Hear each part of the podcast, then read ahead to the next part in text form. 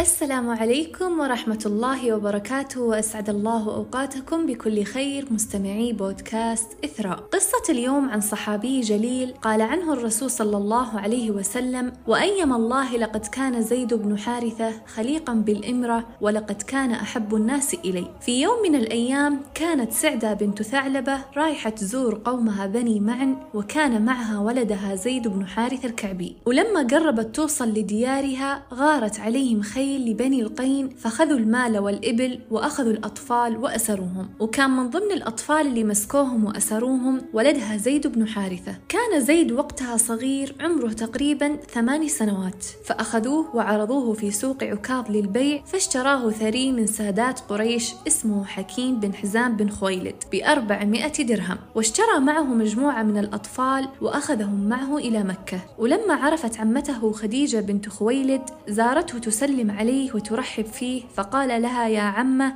اشتريت من سوق عكاظ مجموعة من الأولاد فاختاري واحدا منهم هدية لك. فجلست تتأملهم وتتفرس في وجوههم واختارت زيد بن حارثة لأنها شافت فيه الذكاء والفطنة. أخذته معها وبعد أيام تزوجت خديجة بنت خويلد من محمد بن عبد الله وكانت تريد أن تهديه هدية فما لقيت أفضل من أنها تهديه غلامها العزيز زيد بن حارثة فأهدته أهدته له. وفيما كان الغلام المحظوظ عايش في رعاية محمد بن عبد الله ويكتسب من جميل أخلاقه وصفاته كانت أمه المفجوعة بفقده لا تجف لها دمعة ولا تهدأ لها لوعة ولا يطمئن لها بال. وكان أكثر ما يزيدها حزنا وأسى أنها كانت ما تعرف هل هو حي فتتفاءل برجعته أم ميت فتيأس منه. أما أبوه فصار يدور عليه في كل مكان ويسأل عنه في كل قوافل ويعبر عن حنينه وحزنه بشعر تتفطر له القلوب فكان يقول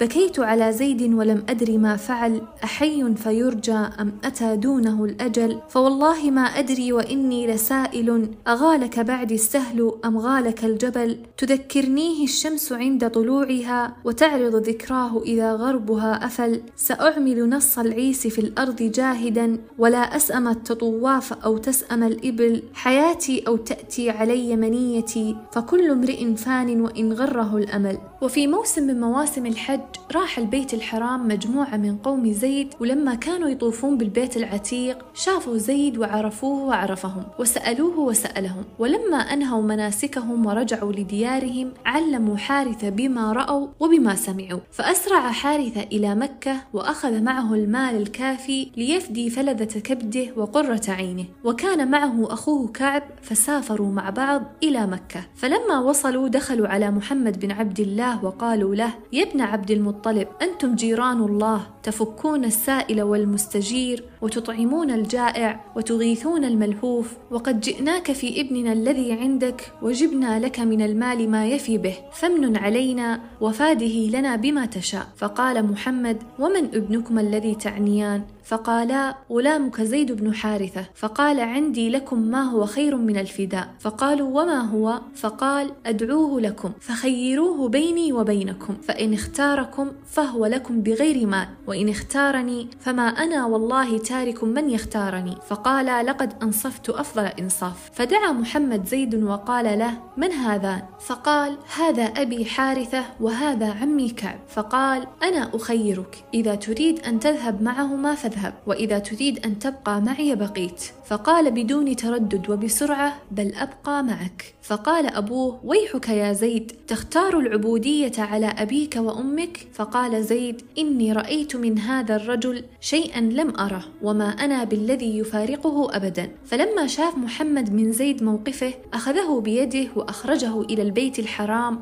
ووقف بالحجر أمام الملأ وقال يا معشر قريش اشهدوا أن هذا ابني يرثني وأرثه. فارتاحت نفس أبيه وعمه وأبقوه معه ورجعوا لقومهم مرتاحين البال. ومن هذاك اليوم صار زيد بن حارثة يدعى زيد بن محمد إلى أن بعث النبي صلى الله عليه وسلم بالدين وأبطل الإسلام إسلام التبني حيث نزلت آية ادعوهم لآبائهم فصار يدعى زيد بن حارثة. ما كان يعرف زيد أنه لما اختار محمد على أمه وأبوه أنه غنم غنيمة كبيرة وما كان يعرف أن سيده الذي اختاره على أهله وعشيرته هو سيد الأولين والآخرين وما خطر على باله أن دولة للسماء ستقوم على ظهر الأرض فتملأ ما بين المشرق والمغرب وأنه هو نفسه سيكون القاعدة الأولى في بناء هذه الدولة العظمى.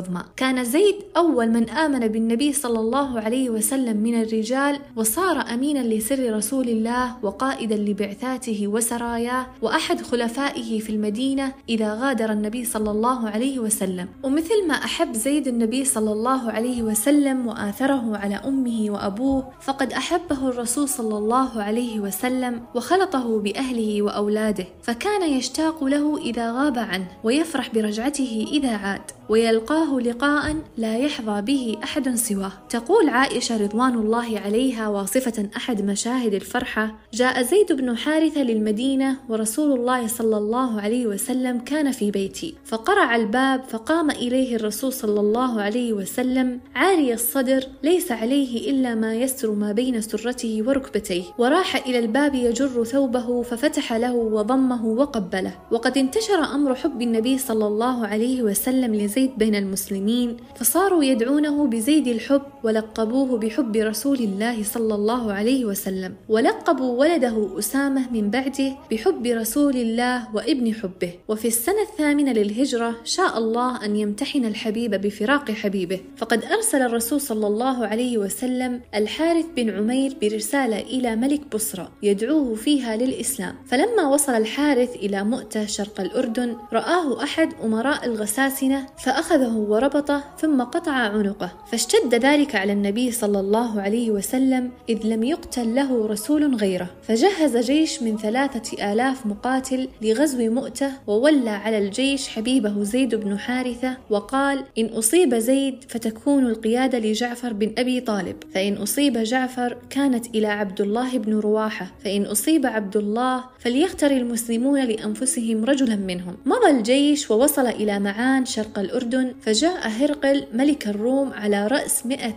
ألف مقاتل للدفاع عن الغساسنة وانضم إليه مئة ألف من مشركين العرب. ونزل هذا الجيش الضخم قريبا من مواقع المسلمين. فبات المسلمين ليلتين في معن يتشاورون في أمرهم فقال واحد منهم نكتب لرسول الله صلى الله عليه وسلم ونعلمه بعدد عدونا وننتظر أمره. وقال الآخر والله يا قوم إننا لا نقاتل بالعدد ولا بالقوة وإنما نقاتل بالدين فانطلقوا إلى ما خرجتم له. وقد ضمن لكم الله الفوز بإحدى الحسنيين إما النصر وإما الشهادة. ثم التقى الجمعان على أرض مؤتة فقاتل المسلمون قتالا أذهل الروم. وملأ قلوبهم هيبة لهذه الآلاف الثلاثة اللي تصدت لجيشهم الضخم. كان زيد حامل الراية يضارب بالسيف ويقاتل قتال لم يعرف له تاريخ البطولات مثيل. حتى خرقت جسده مئات الرماح فسقط شهيدا غارقا في دمائه. فأخذ منه الراية جعفر بن أبي طالب